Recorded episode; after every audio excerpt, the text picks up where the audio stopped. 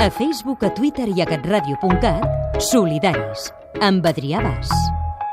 Protecció per dignitat pels refugiats que ara intenten entrar a Europa, però també a casa nostra. Sabem realment què necessiten les persones que viuen al carrer? Què podem fer més enllà d'un cens dels que no tenen un sostre, de comptabilitzar-los? Atenció ara al reportatge de la Marta Molina, que ha sortit a passejar amb l'Antonio, el Carlos i l'Albert pels carrers de Barcelona per acostar-nos una mica més al dia a dia dels que no tenen una llar. La xarxa d'atenció a persones sense llar de Barcelona ha fet una diagnosi sobre quines serien les possibles solucions, com per exemple vincular l'atenció social a les polítiques d'habitatge. L'Antonio Cortiñas té 55 anys. Va amb vestit i corbata i, acompanyat del seu amic Carlos, ens espera puntual a l'estació del Carrilet, a la zona alta de Barcelona. Ens vol ensenyar el que un dia va ser casa seva. Aquest és el, el famós parc de la Tamarita, residència meva, bueno, de luxe, té un bon jardí d'entrada, i, esclar, com que no hi havia cap altre lloc, pues, bueno, l'Albert, que està per la banda de darrere, eh, és una de les normes perverses. Tens que anar als albergs a última hora per demanar plaça. Et diuen que no i ja estàs pillat. Per casa, a, la, a les 9 del vespre, on vas? Ja no tens temps d'anar a un altre alberg. Pues, jo el que feia és que sortia d'allà i bueno, venia cap aquí. Mirava de trobar quatre cartrons i tapar-me una mica i, bueno, i a l'endemà tot el dia a la porta. Aquesta es va convertir en la rutina de l'Antonio durant un temps. L'empresa de seguretat on treballava va tancar, es va quedar sense feina i anava tirant amb els estalvis que tenia fins que de cop es va trobar al carrer buscant un lloc on dormir. Recordes el primer dia que vas fer això? Eh, no. Com em vaig quedar al carrer vaig estar uns 15 dies que no recordo absolutament res. Segons, segons el metge es diu amnèsia traumàtica i bueno, són 15 dies que, que he perdut, literalment. Passegem per aquests jardins de luxe fins a arribar al que va ser el seu primer llit a l'aire lliure. Aquest era el meu banc. Aquí vaig estar dormint pues, una setmana, més o menys. Seiem un moment? Jo i el mussol.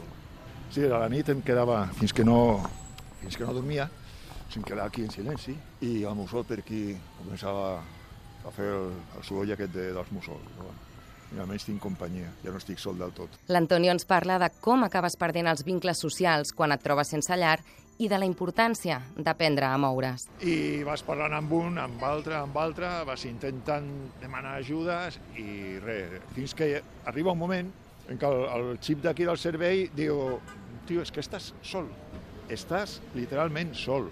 Els que et volen ajudar no poden i els que poden no volen. Tu has de començar a fer tu sol. Aleshores, clar, tens un problema molt greu i és que ets com un nadó que acaba de néixer. De fet, jo quan, quan em vaig quedar al carrer, jo em pensava que el Departament de Serveis Socials era una oficina que, bueno, quan, quan es crema un edifici, quan s'ensorra un edifici, agafen a les famílies, les porten a un altre lloc i s'han acabat els serveis socials. No, avui dia no, sé que és molt més que això, però d'aquelles que no tenien ni la més mínima idea.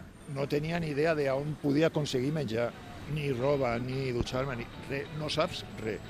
I ho tens que anar aprenent, no hi ha més. Però l'Antonio va aprendre a caminar de nou i ara es dedica a ajudar els que, com ell, tenen ganes de sortir-se'n i volen una llar i a proposar solucions des de la seva experiència. Com ha canviat la teva vida? Ha canviat de, del tot. Com de les 12 de la nit a les 12 del migdia. Sí, I a més a més de, del migdia assolellat. sí, sí, esclar, estic en un pis, estic amb molt bones expectatives de, de feina, de, de, de sortir endavant, no de feina assalariat, això ja, ja m'he fet a la idea que, bueno, mai més a la vida, vale, me parece bien. Bueno, estic arreglant papers per obrir una, una consultoria informàtica per al meu compte, però ja amb l'edat que tinc, no, no és, és que no és plan d'anar entregant currículums, no. L'Antonio està tornant a construir una possible llar, però aquest no és el cas del seu amic Carlos, que ens acompanya en aquest periple, que té 69 anys i que en fa 3, que no té llar i encara viu al carrer. Soy cliente de la Caixa, de un programa que tiene la Caixa. Domicilio fijo no, ahora llevo unos cuantos días que sí, o uno- unos cuantos meses, pero puedo elegir el apartamento que quiera, incluso cada 15 o 20 días me cambian la decoración, me cambian los papeles del interior, duermo en un cajero. El cas del Carlos ens ajuda a entendre per què les persones sense llar no només necessiten un sostre per tornar a tirar endavant, sinó una llar. Pero hay gente que tiene otro rechazo a que la ayuden porque la primera experiencia ha sido... Yo, por ejemplo, hay cosas que así son muy buenas, pero no van con mi carácter. Yo no puedo vivir en un, en un cuartel, como llamo yo, un piso donde viven siete personas. No acepto, las cosas por ley no las acepto yo. Yo el, el café para todos no me gusta. Yo bebo, pero nunca con Si he estado en una sociedad eh, o he estado con compañeros, nunca les he metido en ningún problema ni he molestado a una, a una persona. Ahora, yo tengo que entrar a un sitio donde está prohibido prohibir para mí, ¿me entiendes? En Carlos ens comenta que de vegades es demana a les persones sense llar que es recuperin d'algunes addiccions abans d'entrar en alguns programes socials.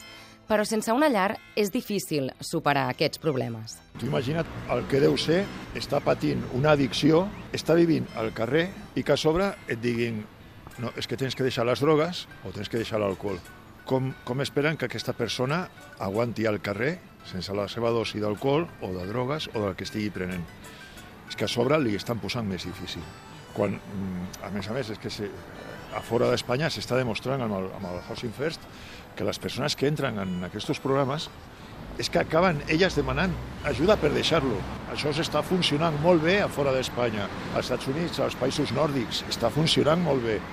Aplicar el programa Housing First, en català Una llar primer, era una de les propostes de l'Antonio perquè creu que l'accés prioritari a l'habitatge millora la reintegració social dels que viuen al carrer, tot i que cada ciutat hauria de confeccionar el seu model de housing perquè els que viuen al carrer es troben en situacions tan diverses com els que no hi vivim i l'únic que tenen en comú és l'exclusió residencial i no tant la falta d'un sostre, perquè se'l busquen, sinó d'una llar.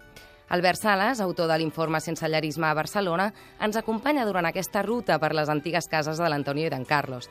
Durant l'any 2015 va fer una diagnosi detallada de la situació dels qui viuen al carrer i creu que la persona sense llar no només ha de ser objecte de l'ajuda, sinó també subjecte i provocar sortides a la seva pròpia problemàtica perquè els experts són ells. Respondre a les necessitats de les persones que, que dormen al carrer no, no és apartar-les de la via pública per treure-les de la vista. O sigui, la gent que dorm al carrer no necessita un sostre, necessita construir, reconstruir una llar. I per reconstruir una llar cal que l'acompanyament social que, que puguem donar tant des d'entitats com des de l'administració pública sigui un acompanyament social que prioritzi a, a, aquesta, a aquest concepte de llar. Per tant, la batalla de l'habitatge, de convertir l'habitatge en, un, en un bé accessible per tothom, passa també per, per tenir en compte a les persones que, que es veuen obligades a dormir al carrer. No és un estil de vida, no són gent que estigui al carrer perquè té unes característiques particulars, no hi ha cap patologia social. O sigui, hi ha un munt de gent que es veu obligada a dormir als carrers de les nostres ciutats per una acumulació d'exclusions socials. I el que tenen en comú és precisament haver-se quedat sense, sense la possibilitat d'accedir a un habitatge. Envoltat de milers de persones i em trobava sol.